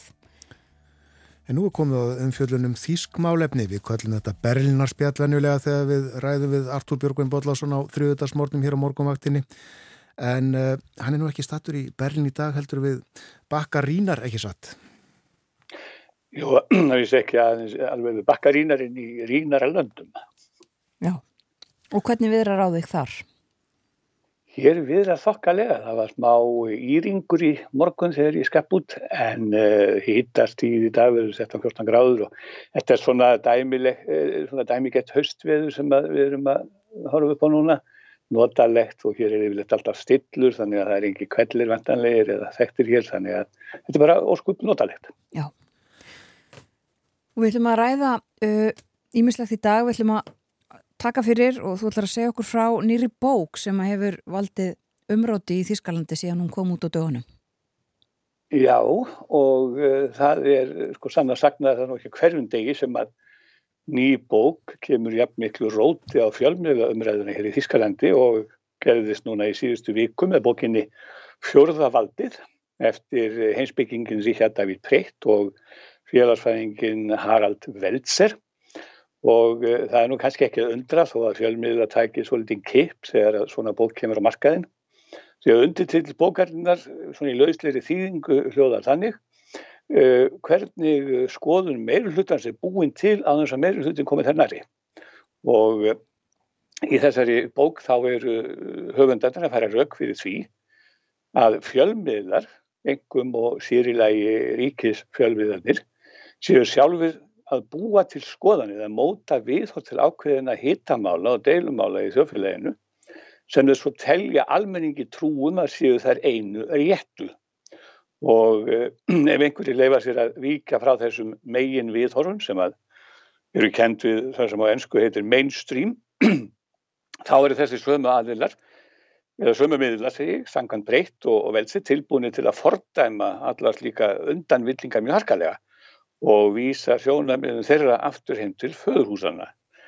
En eh, áður en að við förum aðeins nánar út í þessar auksendafæslu og, og málefni sem hér eru undir, þá er rétt að nefna það svona til skilnings á, á þessu upplöpi að, að þjóðverjar eigar enda mjög langa samræðu hefð og uh, á þeim tímum að þeirra, þeirra forföður okkar Íslendinga háðu harða lífsbaróttu í saggaföllum uh, torbæðum og moldakóðum að þá blómstræði það sem enn kalla dialóg eða debatt hér í Þískalandi, samræða og við mentastofnarnir hér og það er reynda að verða að taka fram að við veitum að verða þessi samræða fyrir öldum bundin við akademíuðuna, við háskólana en hún seittlaði yngar síður mjög snemma út í þjóðfélagi sjálft og með tímanum þótti öllum þorra fólks hér í landi vera sjálfsagt að, að hluti prentmiðlana og uh, setna ljósakamiðlana var lagður undir rögræður af þessu tægi og enn í dag er það þannig þátt fyrir alla stafræna samskiptamiðla að viðlesin blöð og tímaritt verja oft tölur rými í svona rögræður og til margsum það er svo stærnd og þá kem ég eftir að þessari bók að í síðustu viku byrtu tvö mest lesnu vikublöð landsins. Die Zeit og Stern bæði löng og ítarli viðtölu preytt og, og veldser um nýjubókinu þeirra. Og þetta er nú ekki algengt að, að þau koma, má segja út, heldur, já þau koma bæði út sama dagi með þessi vikuritt og, og að sé sko forsýðu viðtal við þá við höfunda í báðum sama daginn, það er mjög óvinnilegt en, en e, til að skýra þetta það má nefna að áhugins brettur auðvitað að hluta til að því að Richard David Preytt Uh, annar þekkja höfundan hann er einn af þekktustu mentamönnum söðveri í dag. Og uh, hann breytt vann það uh, óvenjulega afreik árið 2007 fyrir 15 árum að, senda frá sér bókum heimsbyggi af öllum greinum sem varð metsölubók og var í heila 16 vikur í efstasæti metsölulista tímarittist er spíkel ja. þessi bók vakti gríðarlega aðvill og að þýtta fjöldatungum og það gerði hann innan gæðsverðarpa heimsfræðan í Þískarandi og augabræði og hefur með, þess að koma út í íslensku undir heitunni hver er ég og ef svo er hver margir. Og svo er hann líka búin að halda út í sjónvastættu um heimsbyggi í tíu ár, heil tíu ár í ríkisóafinu, ZDF ZDF, þar sem hann fær til sín einn uh, gest í einu til að bróta á hverjum aldrei merka. Þannig að, það er ekki að segja annað en að breytt þekki vel til fjölmiðlega heimsins fyrir þetta að það hafi verið gestur, tíðu gestur í, í samræðu þáttum um ára byrj. En þú komum aftur í efnibókarinnar að uh, sko og gaggrínir tíminningar á fjölmiðla sem að þeir þekkja mæta við, það er ekkert að sakka um að þeir séu bara góðnandi eða hlustandi því þeir eru, hafa tikið þátt í starfsefni fjölmiðla, báðir hverjendar, sérstaklega breytt. En þá vilja þeir halda því fram að fjölmiðlunum hér hætti til að verða allt of samstiltir og einhæfir í sínum málflutningum ákveðin við hvem efni.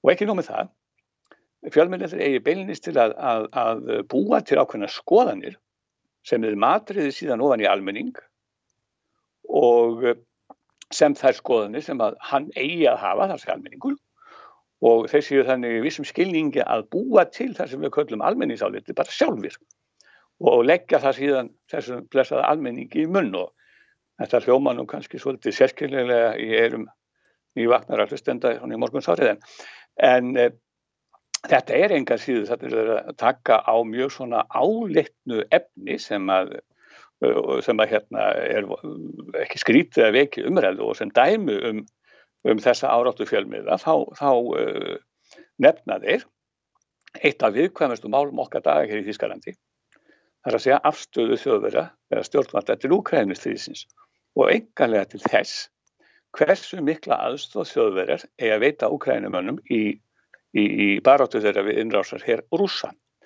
Og báði höfundarnir, það verður að taka líka fram, þeir skrifuðu undir bref sem að kvenréttindafrömmuðurinn Alíse Svartser stóð fyrir á sínum tíma, rétt eftir að Úkrænustriðið byrjaði, þar sem að, að skora var á ríkist og Þýskarlands að hella ekki ólíu á stríðseldana í Úkrænu með því að láta Úkrænum en fá þýsk þungavopp til að nota gegn rúsum og þeir sem að skrifuðu undir þessa áskorun lögðu líka til að þjóðverðar sko, nýttu sér áhrifamátt sinn í Evrópu til að koma á friði og fá stríðandi fylkingar til að leggja niður vopn. Og það kemur líka fram í bókinu og það er enda að vita fyrir þessar skoðanir voru brefriðtarar útrópaðir í fjölmjölum og harkalega sótt að þeim og þeir fengu jáfnvel morðhótanir í kjölfærið og uh, það er ekki síst þetta sem að höfunda bókarinnar um uh, fjörðavaldið vilja andæfa, eða þessu sem vilja andæfa með skrifum sínum að, að fólk sem fer gegn uh, sko gegn uh, strömmnum og, og, og setur fram aðra skoðanir þar sem teljast einu réttu þá stundin eða miðlunum sem vísvitandi hrópa nýður og, og þá náttúrulega lætur næri að um leið og þetta heldur þessu fram þá sögðum ég að gott og vel eru því þá að fara í lið með þverhauðsónum og eru þið að fara í lið með aukafloknum AFD sem er alltaf að, að, að hérna, ráðast á, á ríkisfjölmiðina en þeir segja nei með þessari gagrinni er ekki verið að lifta undir málflutning hópa á borð við hægri aukamenina AFD alternatífi fyrir Deutschland. Því það er fólk sem fyrir út á torgin og æpur lúgenpressi eða, eða lega fjölmiðlar og heldur því fram að fjölmjöla séu handbendi ríkisfalsins og það er nefnilega það sem þeir segja sko er að, að þetta sé algjörlega rakalauðs uh, þvættingur. Þvert á móti séu þeirra haldaði fram að þessi viðleitni miðlana þeirra búa til það sem þeir kalla meilhutaskoðanir og, og það, sko, hún eigi sér rætur í starfsemi miðlana sjálfra, þetta sé heimatilbúi hjá þeim. Og uh, þeir reyna líka að fara rauk fyrir því að, að því miður vil ég það eh, bera við að, að eh, fjölmiðlar eigi til að, að eh, laga sig að svona ákveðnum rakalösum þættingi sem að veður upp í svo kallum stafrænum miðlum, það sé annar ragn nú á þeirra starfi, þar sem að órögst út af fulleringar og upprópaði gefa löngum tónin.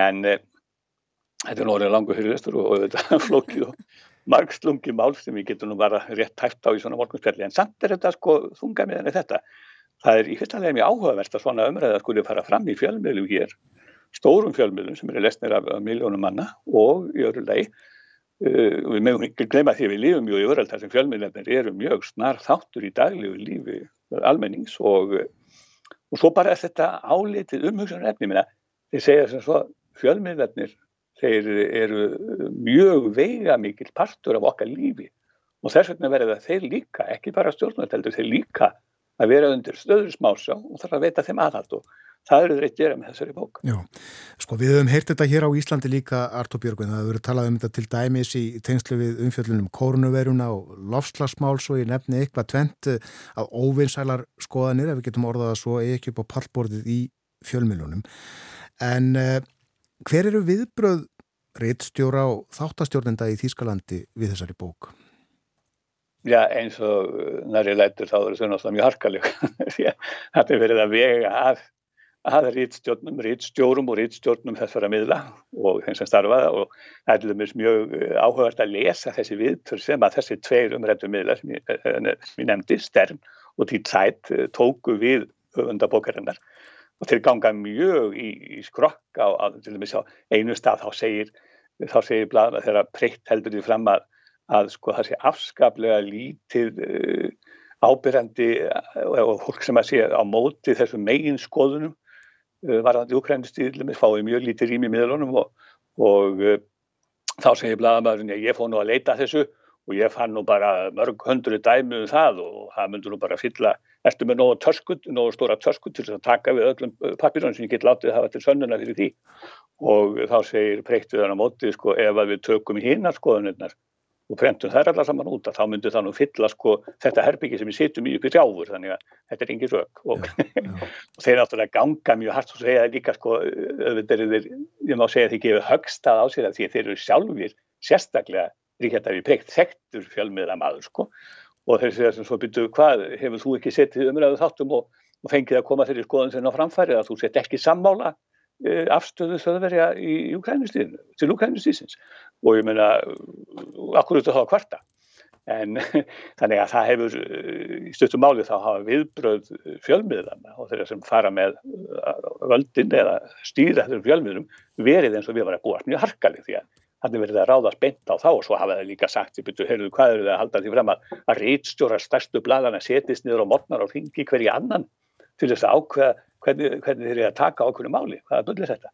En þeir segja nei, við erum ekki að halda því fram, en það er bara þessi árátt að segja þetta þess að þessi blessaði megin hugsun eða mainstream eða hvað við erum kallað að það eigi alltaf að vera það sem að setja það oddin í fjölmiðlum og, og, hérna, og þess vegna það þurfi meira umbröðalindi gagvart fólki, ekki þeim sem eru gargandi og æbandi ljúgum pressi það er allt annað mál.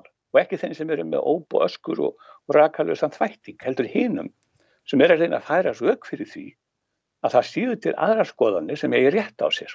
Og það er það sem við erum að segja það vandi umbröðin. Einmitt, þannig að, að, að svo ég skiljiði alveg rétt eh, þá eru þeir ekki endilega málsvarar uh, já hvað ég var að segja, óvinsalla skoðana heldur vilja þeir að, að umræðan fái að fara fram, umræðan er mikilvæg segja þeir og, og, og ólík sjónamið eiga að fá að heyrast. Já og það sé náttúrulega ekki nokkur hemja þegar að menn setja fram ólík sjónamið og gagslega sjónamið að þau sem eru óvinsir eins og kallar í einhverjum umræðu þá sem að þýrleikta þá þurfur þeir að búast því að það regnir verða morðhóttunum og eftir þess að þetta andrúrslott á þessu andrúrslotti bera fjölmyrir ákveðna ábyrð og þeir verða að axla það ábyrð og hugsa sem gang.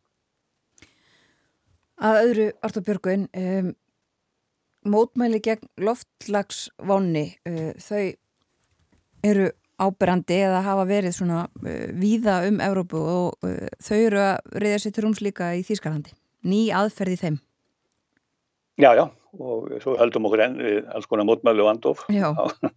Þetta er mikið mótmælar spjall, en, en allavega þá er það rétt að það eru ímsa nýjar aðferði sem að svo kallar umhverfið alderða sinnar hafa verið að virka í, í baráttu sinni eh, hér og, og við letnum til þess að veka aðtikla málstannum og nýjasta aðferðin sem hefur verið að færa svolítið í aukana, bara síkastið, það er að að aðgerða sinnarnir setjast á fjölfarin gatnamóti í borgum, stóru borgunum einkanlega, sérstaklega í Belín og líma hendunar á sér við valbyggir, svo að umferð döðvast og þetta er þetta mjög uh, sterkur leikur vegna þess að það har nú ekki marga til þess að aðferðin virki. Og eh, þeir sem að taka þátt í þessum aðgjörðum nota líka lín sem er mjög erfitt að losa uh, eða leysa upp. Þetta hljóma svolítið sáskafullt bara. Já, þeir leggja það á sig að þetta, uh, þetta rífið svolítið í hendurnar, þannig að náttúrulega menn verður að leggja þessu smáðin það ætla að koma sín sjónamöðum að framfæra þennan þátt og, og þegar að lögregla mætir á vettfanga þá tekur það hana oft sko drúa stund að losa hendur sinna frá guttinu og eins og þú segir uh, maður sér það svona þegar þetta er sínt í, þess að þá er þetta svolítið óþægilegt en, en á meðan náttúrulega sko reyta uh, mjög ævarið ökum en sko hálsitt og skemmt á sig og býstast yfir því að komast ekki leða sinni en En það er einmitt markmið þessar aðgerða að vekja aðtikla málstæðinu með því að valda sem mestum usla. Og þeir sem að taka þátt í þessum aðgerðum haldaði fram að, að þetta falli undir, undir friðsamleitt andóf og rammist þess vegna innan laga um líðræðislega mótmæli og það er nú ekki allir samála því og sem ég segja að þetta sé ekki lengur friðsamlega mótmæli því að því þegar að þeir takk upp á því að raska daglífu lífi fjölda saklösa borgara vísvitandi og valda tíma fyrir einhverjum lauruglu aðdöðum sem eru dýrar. Þannig en yfirvald hafa þetta verið híkandi við að fara í gegn þessum mótmælum að mikill hörku, uh, ekki sístakna þess að flestir þessara aðdöðar sinna eru af yngri kynsluðunni, til flest, flest af þessu er ungt fólk sem heldur því fram að þetta sé eina leðin til þess að fá þá sem eldri eru og stjórnvöld til að hlusta á aðvarnir þeirra gegn því að veri sé að valda fílikum hörmungum með því að, að, að hérna horfa framsjá eða sem sagt breyðast ekki rétt við lofslagsvanni og hlínu gerðar að, tilgangurinn helgi þarna meðalið og, og stundum reyndar sko vaknar nú grunur um að, að mótmæla þessu tegis ekki alltaf mjög yfirvið ég get nefnt svona í lokina þegar að Robert Habeck viðskiptar á þeirra, græningja frömmuður tróður upp á kostningafundi í Dusseldorf sem að hægni kallaði þursla þorpa á sínum tíma á dögunum. Og þá kom aðgerða sinni hlaupandi að sviður sem, sem Habeck stóla og límdi sér við sviðið. Já. með öskri og látum og, og hafi reyndar nú þegin í öllum sjóum og let sér ekki bregða heldur eh, böðmanninum einfallega að, að bera fram spurninga til sína á róleiri hátt og bætti því við. Að það hefða nú alveg gert að hans að þurfa að líma sig við, við sviðið sem hann stóð á. En, eh, en þetta sem sagt er eitt af, sko þetta er líka viðkvæmt mál vegna þess að menn vilja ekki endilega fara af hörku gegn þessu, þessu unga fólki. Við búum ekki hér í Rúslandi heldur í uh, vestur Evrópu og, og hér er mótmælarétturinn, hann er virtur sem mjög mikilvæg þáttur í líðræðislegu samfélagi. Og þess vegna svona uh, fara stjórnvöldi hægt að það hefur komið upp svo hugmynd og það voru stjórnvöldi í Berlín sem að verpuði henni fram fyrir fáinu dögum að það væri kannski rétt að, að, að svona senda viðkomandi sem að líma sér við götturna með eins og kosti reikning fyrir þeirri tröflum sem þetta veldur og, og hérna og, og aðgerum laurugluna þannig að þeirstu pínlítið að borga fyrir það að vera með svona mótmæli að þessu tegi. Akkurat. Já, uh, þetta er sérstaklega uh, nýjasta, ég er kannski ekki tíska en jú, í, í mótmælum, það er ekki lengur verið endilega bara að safnast saman á torgum eða, eða neitt slíkt, það þarf að trubla. Já, ég á nú ekki vonað því reyndar að þetta verði til eftirbreytna á Íslandi því að en getur nú heimlega alveg úti með að það veður fréttir sem berast að heimann verður alltaf að vera líma sér við göttunar. Já. En þetta er sem sagt það er mikið stórborgar, það er mikið stórborgar aðferð til þess að ekki aðtikla á sínum ástæð. Akkurat, og hefur við ekki mikla aðtikli. Og já, heldur betur. Já, við segjum þetta gott í dag. Takk fyrir Berlínar spjall eða Þískaland spjall þessa vikuna, Artur Björgman Bóllarsson. Takk sem er leiðis. Höfum þá aðeins að íslenski politík, þingfundur í dag eh, hefst hálf tvö. Við fórum yfir hlutadaskrárinar áðan, eh, óundibúin fyrirspurnartími og svo sérstök umræða um verbolgu, vexti og stöðu heimilana. Þar er málsæfjandi ástildur Lóa Þórarinsdóttir og til ansvara Bjarni Benditsson fjármála og efnaðsráð þeirra. Það eru líka fjallað um leigubegrið aðakstur. Held að þetta sé fjórðasinn sem að þetta frumvarp er lagt fram á þinginu. Innviðar á þeirra mæli fyrir því. Fleiri stjórnarfrumvarp líka til meðferðar eða á dagskrá og svo nokkur þingmannamál og til dæmis uh, mál Sigmunda Davíð Skunljókssonar stór ebling innlendrar matalaframleðslu og örugt og fyrirsjánulegt rekstrar umhverfi landbúnaðar og svo mál Ásmundar Fririksonar frankata leifi fyrir lagningu Suðuneselínu. En fyrir hátegi verða þingmenn á flakki. Já, uh, ég ætlaði að mynda að nefna það. Ger ekki ráð fyrir að Sigmundur Davíð geti sjálfur verið þarna uh, í þingsal vegna þess að hann er einn tíu þingmanna sem er í allsherjar og mentamála nefnd og svo nefnd er eins og hún leggur sig farin í heimsók til Óslóður og Kaupmannahafnar. Uh, þau heimsækja þessar tvær borgir næstu daga frá með deginum í dag og til 30. september fjóra daga heimsókn og eh, fleiri heimsóknir eh, umhverjus og samgöngunemndir heimsókn hjá vegagerðin í dag atvinnuvega nefnd fyrir til fiskistofu í heimsókn og efnahags- og viðskipta nefnd heimsækir kaupöllina. Þetta gerist allt núna um og upp úr klukka nýju. Hún nefndi vegagerðina í skeiti frá henni segir flestir hálendisvegir um austan og norðaustanvert hálendið eru nú ófærir og það er líka vara við hálkublettum víða á fjallvöðum á norðausturlandi og það er hálka á biskupsálsi. Óslo og Kaupmannahöfn áfram til umfyllunar á morgunvaktinni eftir frettæfilitið. Við ætlum að tala um norræna samfunnu. Ragnæður Helga Þórarinsdóttir varaformaður Norræna félagsins er að koma sér fyrir hérna hjá okkur. En fyrst leipum við frettastofinni að með yfirlitt morgunfretta. Sæl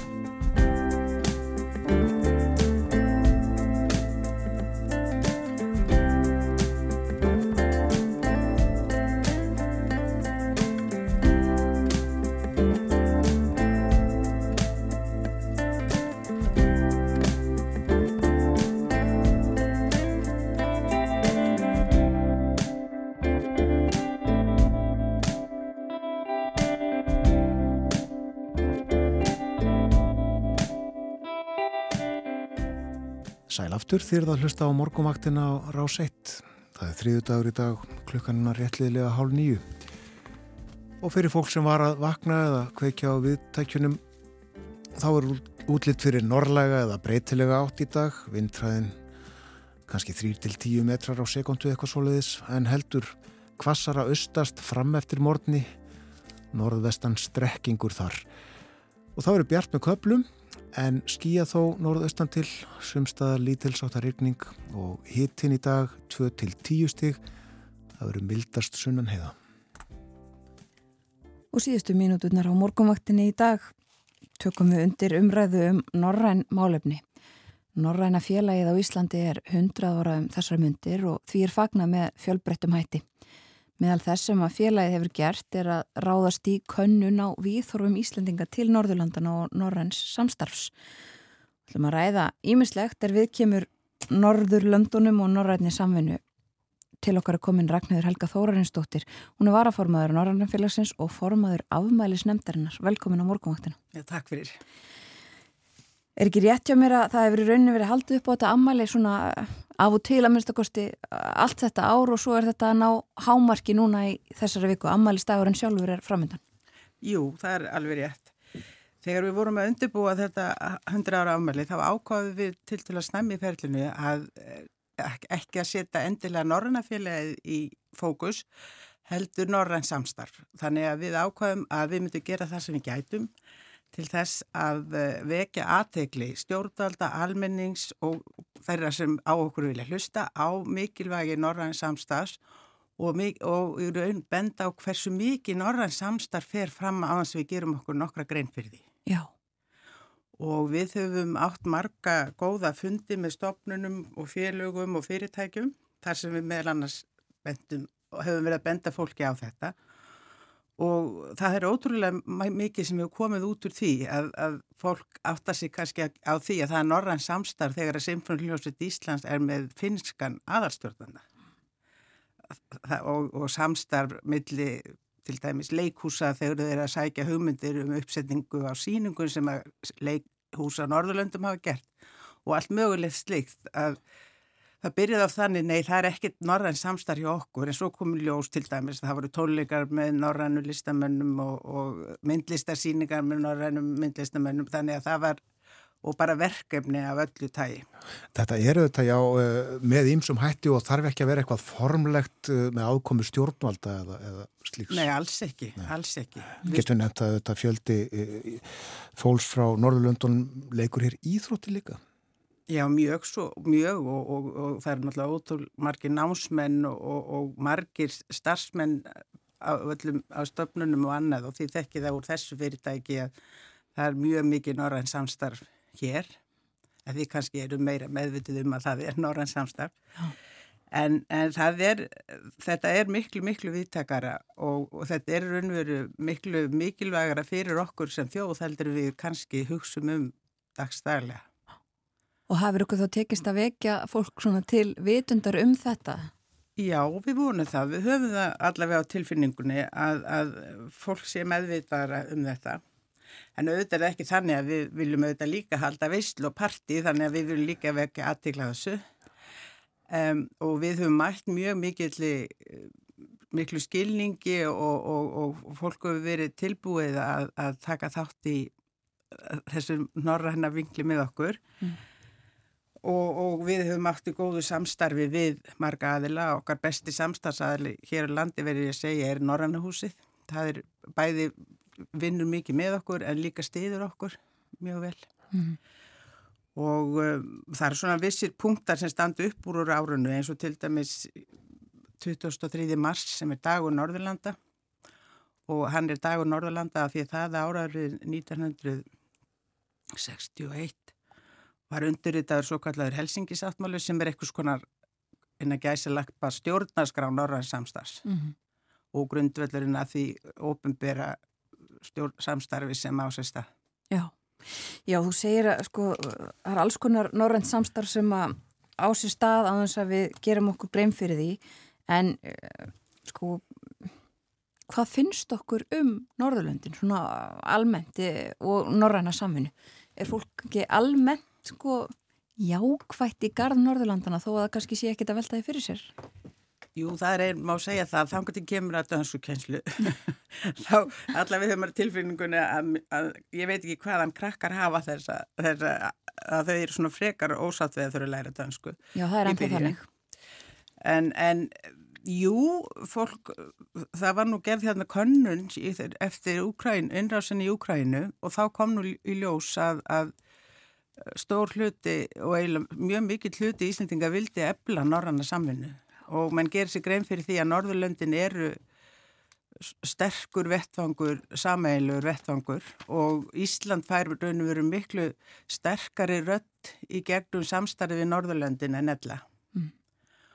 og, og, og, og í framhald af því þá var að við fengum ef ég má segja að við höfum fengið ammaliðskjöf frá þremur eh, stórum menningarstofnunum á Íslandi. Í fyrsta legi þá, þá tók landsbókasafnið og háskólabókasafnið að sér að þeir gaf okkur það að þeir ætla að fara og taka við öll okkar skjálasafni og ætla að þessu utan að gera allt það efni sem Norrannafélag hefur gefið út í gegnum tíðina aðgengilegt á tímaritt.is og sem er alveg ótrúlega mikilvægt fyrir eh, framtíðina og okkur þykir mjög vandum að, að, að hafa fengið. Uh, við erum að fara í samstarfið ríkisútarpið. Við fáum svona uh, eftir að, eftir að þrýstingnum á ammælishaldinu sjálfu hefur lett þá í, í þá fáum við uh, svona tíu þætti, stuttar þætti sem hafa sem verið tækinu upp norrænmálefni. Það verður svona setni part í oktober, november. En síðast en ekki síst þá gaf þjóðminnarsafnuð okkur það að senda út spurningaskrá í nafni þjóðminnarsafsins. Það sem er verið að kanna viðþór Íslendinga til norrann samvinnu, norranna félagsins og, og komast að því hvernig aðkomi fólk hefur haft að Norðurlandunum, hvernig hefur kynst Norðurlandunum í gegnum vinnu, nám, fjölskyldu og annað Já. og uh, ein, einni verið spurning tungumála kunnáttu. Þessi spurningarskraf var, var, var set, opnuð formlega, hún er sem sagt inn á Sarpi, menningarsögulegum uh, gagnabanka og hún hann var opnus formulega ádegi í Norðurlanda 23. mars og þetta fer svona hægt af stað en ég vil endilega hvetja fólk til, a, til að fara inn á sarpur.is og þar er uh, deild sem heitir þjóðhættir og þetta er spurningaskránum 134 og ég vil endilega hvetja fólk til að, til að fara þarna inn og, og, og svara Það getur hver sem er gert hver það. Sem er, bara, hver sem er getur gert það. Það er ekkit endilega verið að, að, að þú þarf ekki endilega að hafa ykkur opbáslega mikil tengslu Norðurlönd. Bara ef þú eitthvað tíman hugsað um Norðurlönd, þá getur þú svarað einhver að þessu. Já. Og þetta er náttúrulega ekki, þetta, þetta, þetta verður að sapna heimildundi framtíðar, þannig að þetta er ekki neitt sem að verður endilega unnið úr strax. Þetta fer, fer um, þannig inn og, og, vís, og að við gætum alls sem heitir personu vendar upplýsingar og annað, þetta er allt óreikjarlegt. En þarna held ég að getu sapnast mikilvægum upplýsingum mm. sem að er gaglegt að hafa í framtíðinni og, og í framhald af þessu við, við eru líka svona að reyna að sapna stuttum og snjöllum smá, smá stuttum sögum, örsögum um, um hvernig við höfum upplifað Norðurland og við vorum svo heppin að í samstæðu við þjóðminnisafnið og Háskóla Íslands þjóðfræðiskor þá fengum við styrk og nýsköpunarsjóði námsmanna. Það væri nú sagað til næsta bæjar að, að svona gamalt félag fengi styrk og nýsköpunarsjóði mm. námsmanna en það var meðlan vegna góðra samstæðsaðila og út af það vegna þessa styrks þá fengum við, gáttu við ráðið tvo þjóðfræðinema sem að hafa verið taka við tölvið fólk sem hefur unnið mikið í norrannu samstarfi og uh, hafa, þær hafa tekið, þau eru tveir námir og þeir hafa tekið við tölvið 21 aðila sem er mjög gott á stuttum tíma og við, sagt, þær, við erum nýbúin að fá greina gerð um það og það fer inn í þessa, þetta fer líka allt inn í sarp mm -hmm. og það er margt mjög aðteglisverð sem kemur úr, hefur komið út úr því. Já, fólk er að segja frá sínum, sínu samstarfi og sínum já, tengslum. Já, sínum tengslum og, og, og hvað þeim finnst um, um norrænt, uh, hvað er mikilvægt í tengslu við norræna samstarfi. Já, þú nefndir áðan uh, könnun sem var gerði í tengslum við uh, innrásuna í Úkrænu og þá fólk hefði svona jákvæð, jákvæðar tilfinningar gagvart norrænu samstarfi. Það var svona síðustu ár talað um svolítið bakslag, ekki síst vegna lokan á landamærum í COVID og, og fleira því tengt uh, og talaðum um að vera svona eitthvað bakslagi í norðinni samfinu en er það þá að, að sko ganga tilbaka eftir innrúsni í Úkrænu hefur eitthvað, veistu það? Eða hefur tilfinningu fyrir því? Já, ég hef til, það tilfinningunni. Ég get alveg sagt eins og er að við sem erum mikið fyrir norðansamstarf, bæði við sem erum í græsrótinni en ekki síður djórnmálamennir, ég held að viðbröðum við COVID hafi verið pílunlítið Eh, sjokk. Menn hafa fengið alltaf áfall hvað Norðurland voru fljóta að loka sig af og hvað var lítið um samælega lausnir og, og sá ágæti eh, maður sem er einhver mesti, ef maður má sletta, nordisti sem ég veit um, Bertil Horber, hann sparaði ekki þungu orðin á kollega sína stjórn, og, og húskammaði norðarna pólitíkusa fyrir að þetta sko væri ekki hægt. Nei. Og ég held að þetta hafi komið fólkið aldrei mikið á óvart af því að þetta syndi raun hvað, hvað eh, norðan samvinna er samt, einn sterk hún er og hún er, hvað hún er samt viðkvæm. Þannig að það þarf alltaf vera hugað þessu. Eigum við þetta að geta þvælstum öll Norðurlandin uh, án vega breyfsmæri segja? Já, já og það er meðal annars eitt af því sem að, að Norrönnufélagin börðust mikið fyrir að við gleymum því þess á þessum sengen tímum að við áttum okkar vegabriða samband alveg frá 1954 að við höfum gáttum ferðast um allt mm -hmm. og það kannski gleymist við gleymum því alltaf að okkur finnst það sjálfsæðar hlutur að þegar við förum til Norðurlanda þá njótu við þeirra sömu félagsliða réttinda og við njótum heima hjá okkur. Já. En uh, heldur að stjórnmálamennir hafi tekið þessa gaggrinni til sín að þetta gerist ekki aftur? Við höfum alltaf leifið til þess að vona. Ég, nei, ég held í alveg tala að þetta hafi verið alltaf mikið áfall. Já. Segð okkur að þess að sjálfriðir og áhuga þínum á Norrlöndunum, hvers vegna ert þú, bara ef við getum orðað að þannig var að formaða Norrnafélagsins? Já, hvers vegna? Uh, ég hef haft áhuga á norrannu samstarfi, ég kynntist norrannu samstarfi alveg bara þegar ég var smástelpa austur á Eidum. Það var fyrsta síðan ég heyrði um eitthvað norrann, það var fyrsta leið norranna sundið og, og þá átt að synda, ég man ekki hvort það voru 200 metrar eða eitthvað slikt og svo norranna skíðagangan og þetta er í kringu 1960 bara, við erum að tala þetta alltaf langt aftur í tíman. Og keppni millir þjóðana. Já, Já, og við vorum alltaf til dæmis í sundin, við unnum alltaf af því við vorum alltaf með höfðatölu og meiri sé að þar unnum við ekki einu sinni við höfðatölu því það menn bara syndu miklu meira hér. Já.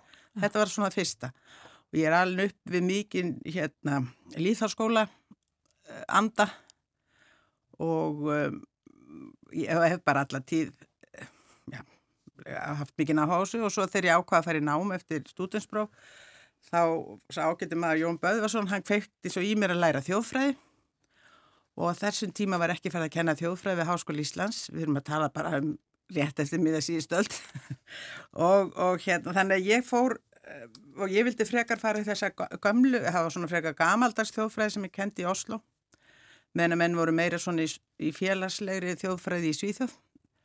En ég vildi fara sko í bók, koma bók, bókmæntalega inn í það. Þannig að ég var þar og var þar í 7 ár og, og læriði mikið og margt.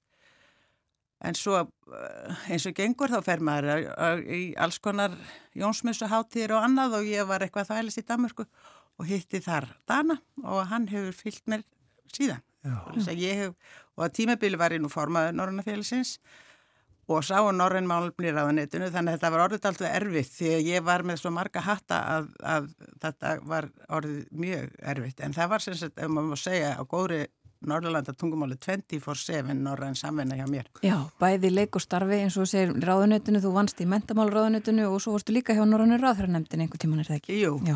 um síðustu aldamót. Akkurat, sko þú hefur langa reynslu sem sagt af Norrennu samstarfi Hvar finnst þér við stand okkur best og hvar væri hægt að bæta samstarfið eitthvað mest? Já, það er stort er spurt. Verður fattum svör. Um, það þarf að stór ebla samstarfið á sviði, á sviði batna og unglinga. Fyrir í kringum aldamótin eða 1996 þá sömdi Norrannir áþarhandinir samþugtu þeir uh, mjög góða menningarstefnu í batnamenningu mm og það leiti til þess að það voru menningarháttíðir og það voru, það voru uh, alls konar uh, hérna hvað að segja, svona, krakkati komi í alls konar búðir og, og, og annað og mikið samstarfið lista og menningageran og það var ótrúleg uh, styrkur því eins og ég segja börnin eru 20% á nútímanum en 100% á framtíðin þannig að þeim, ef við má áhuga þeirra þá heldur hann vantilega áfram og uh, mér finnst það þyrrt að stórefla þetta aftur. Og það sem er kannski uh, grundvöldurinn af þessu öllu það er það að fólk hittist. Og það er, það er, það er allt gott um, um Teams og Zoom og alls konar slíka tekni en það er ekkert sem vegur upp á móti því að hittast. Og ég veit að þetta er ekki mjög pólitíst rétt að segja á tímum kólefnisjöfnunar og lofslagsvanda og alls þess en það þarf þyrti samt alltaf að reyna að finna leið til eitthvað pinguliti þó við vinguðu þetta. Nefnum þá sem við höfum nefnt áður hér í þættinum að, að allserjar og mentamálun nefnda alltingi sé núna í Óslo og, og fer til köpunahefnar á morgun eða hinn og uh, hér á landi uh, eru þingmenn held í norskir frá stórþinginu. Já, þetta skiptir allt máli sem sagt en uh, aðeins áður en við sleppum þér út í daginn Ragnarður, eh, sko Norrænafélagið er 100 ára á 50 daginn og eh, ég, hvernig stendur félagið á þessum tímumótum? Eh, góð þáttaka í félaginu, mikil virkni margir sem sína þessu áhuga? Já, já, ég held það sko, félagið er, er það eru ekkert mjög margir félagsmenn ég er sko, tæpilega 2000 en, en Ég held að til dæmis svona tímamót eh, eru til þess að vekja aðtikla á, á félaginu og, og ég má ekki gleyma að nefna í tengslu við amalið að hluta því er að výja Norrænan Vinalund hér í Fossói. Kópásbær gaf okkur 3-400 fermetar land því að þegar við Íslandinga viljum fagna það viljum við alltaf gróða þetta tré og hann verður vigður á, á 5. daginn og uh, að, að, að, það er sko mikilvægt að að, að hafa þetta, hafa þetta, halda þessu takun á lofti og uh, í tilöfna því að amalið er og við erum samtímir stærsta deild Norrannafélagsins sem er höfuborgardeildi, það er búið að samina Norrannafélagsdeildirnar í Hafnafjörði, Reykjavík, Kópavögi og, og Mósusbæ. Þá komum hingað um 50 norrann-gestir sem verður að taka þátt með okkur í þessu amali sem er amali vikslaháttir og amalisvisla og svo verðum við með norrannar ástæfnu líka. Það er verið að fagna þessu og svo er partí eins og sæðir að Já, við höfum svona smá, okkur finnst vegið að vera pínlítil amælisveisla, en ekki þetta er ekki í neinum stórun stíl eins og kollegar eitthvað sem held upp á 100 amæli fyrir þremur árum. Það var miklu starra. Ok. Og uh, svo er líka eitthvað, eh, einhver viðbyrður í dag þar sem þú ætlar að tala uh, um Já, ég ætla að, að, að allt innu, já, allt innu fenguð það fangið að vera með smá kynningu á, á, á í Norranna, nei, hérna í þjóðmennarsafnu eh, í þessari hátægis fyrirlestaröðu þjóðmennarsafsins og þar mun ég segja lítilega frá Norranna félaginu bakgrunnu og svo Amalis hátæginni. Já, til hamingju með þannan áfanga til þín og ykkar í Norranna félaginu og takk fyrir að koma til okkar á morgunvaktina. Já, takk fyrir. Við viljum að hlusta á norst lag Þetta eru norsku tónlistamennir Túrab og Ane Brun og þau syngja Nesten Jemmi, næstum heima. Vi skal flyte litt lengre. Jeg lar deg ikke synke. Jeg er nesten hjemme. Prat ikke stopp, kan du fylle opp min kopp, for jeg er nesten hjemme. Vi var barn, vi var små, vil ikke vokse opp, så jeg er nesten hjemme. Prat ikke stopp, kan du fylle opp min kopp, for jeg er nesten hjemme. Vi var barn, vi var små, vil ikke vokse opp, så jeg er nesten hjemme en dag der vi ses igjen. Himmel eller hell, hvert fall en av dem. Jeg vil ikke være her, ta meg hjem. Kjenner ikke lengsel, for den gjemmer seg så vel. Uffa meg i bunad, er på byen hver helg. Som om det var 17. mai. Ikke sett deg ned på meg, for du gjør også feil. Tom og Jerry bare baila ut, de var på en helt annen rus. Trenger ikke å late som at vi er katt og mus. Roper ut, tur opp stemmen visner hvert minutt. Har du funnet kur mot å dø ut? Catcher flu, den leter etter en venn. Hva skjer hvis jeg tar den med hjem? For at vi skal flyte litt lengre. Jeg lar det ikke synke. Jeg er nesten hjemme. Prat ikke stopp, kan du fylle opp min kopp, for jeg er nesten hjemme. Vi var barn, vi var små, ville ikke vokse opp, så jeg er nesten hjemme. Prat ikke stopp, kan du fylle opp min kopp, for jeg er nesten hjemme. Vi var barn, vi var små, vil ikke vokse opp, så jeg er nesten hjemme. Hvordan går det? Det går akkurat som det burde gå, vel. Jeg ordner nattmat og mornings. Har ikke på meg mye brands, men jeg kan få deg til å dance. Vi kan ha romance som Nelly og Roland. Drømmemenn vekkes av mareritt. Paracet gjør det behagelig. Magesår i magen din, magesår i magen min. For at vi skal flyte litt lengre. Jeg lar deg ikke synke. vi er nesten hjemme.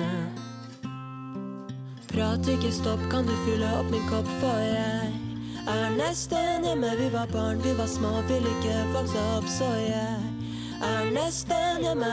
Prat ikke stopp, kan du fylle opp min kopp, for jeg er nesten hjemme. Vi var barn, vi var små, vil ikke vokse opp, så jeg er nesten hjemme.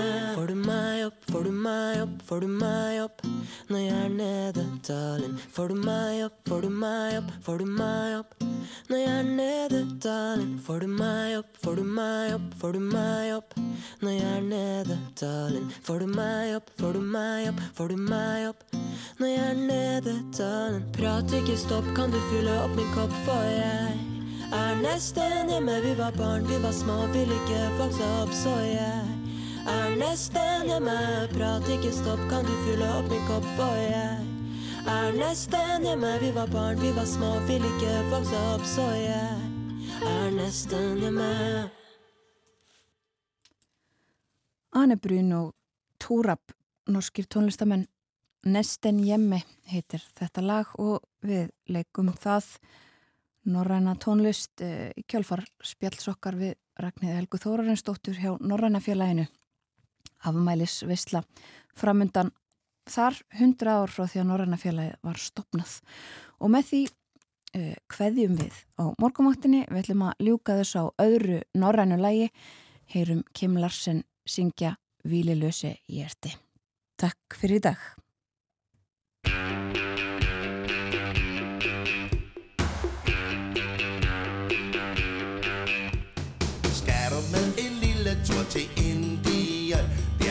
Der de rager op i himmelen Ellers skulle vi heller tage et smut til Nepal Der hvor de beder til Buddha og ryger tjal Vi kunne også rejse til Arabien Ned til Bedouiner kvinderne i varmen.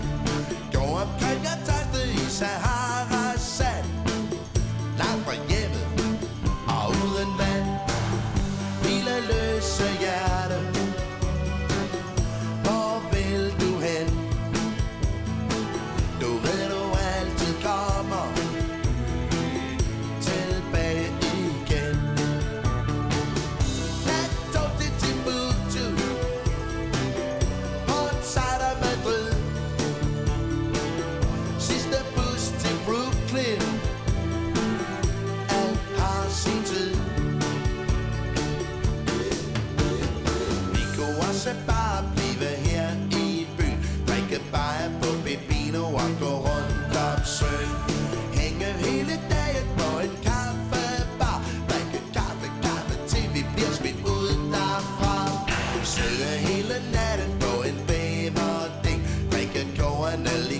sige slemme, slemme ting.